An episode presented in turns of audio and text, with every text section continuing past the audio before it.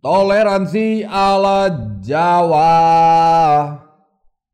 Guys, istilah istimewa negerinya, istimewa orangnya, sering dilekatkan pada Jogja. Itu karena nilai-nilai luhur budi pekerti dan juga toleransi yang masih dijaga.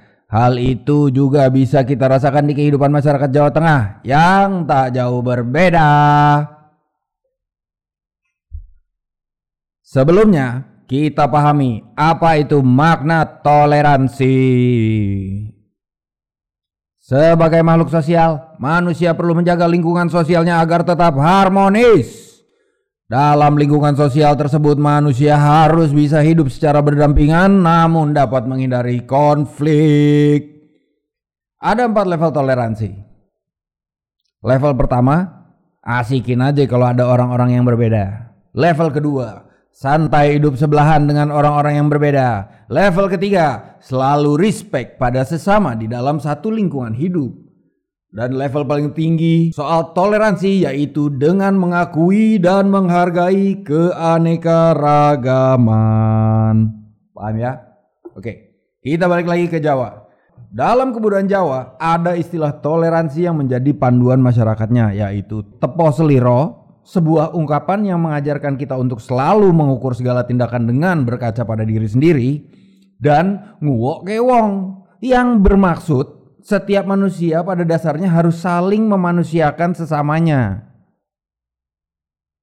Toleransi dari segi sosial bermasyarakat. Masyarakat Jawa juga mengenal arti gotong royong. Dapat pula diartikan menyelesaikan suatu masalah tanpa pandang beda keyakinan, paham politik, dan kelas sosial secara bersama-sama.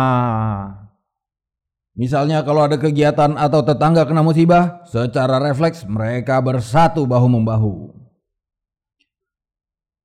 Toleransi ala Jawa dari segi bahasa. Masyarakat Jawa memiliki tingkatan bahasa berdasarkan kasta dan kelas. Tapi itu kalau udah menyangkut lingkaran keraton dan kelas masyarakat.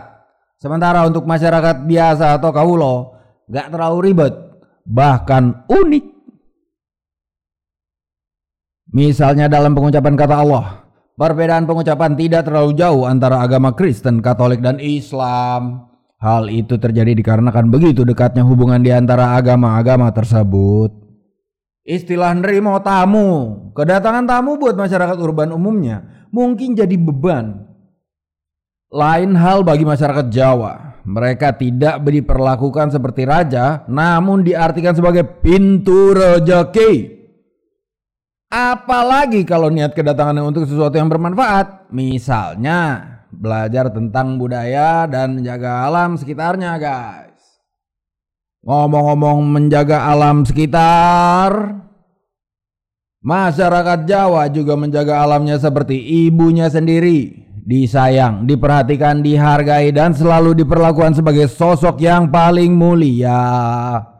Bagi mereka toleransi dengan alam bukan berarti membiarkan apa pun terjadi, tapi juga menjaga keselamatan sesama. Mereka sadar bahwa semua bisa berbalik 180 derajat jika alam sekitar dirusak. Coba aja ingat mulai dari perang jam maghribnya di Ponegoro, Kedung Ombok, Kulon Progo, hingga pembangunan Bandara Ngayogyakarta yang mesti mengorbankan alam setempat. Jadi menurut Sobat Poli, adat mana lagi nih yang cukup unik untuk kita bahas soal toleransi? Tulis di kolom komen ya. Cheerio.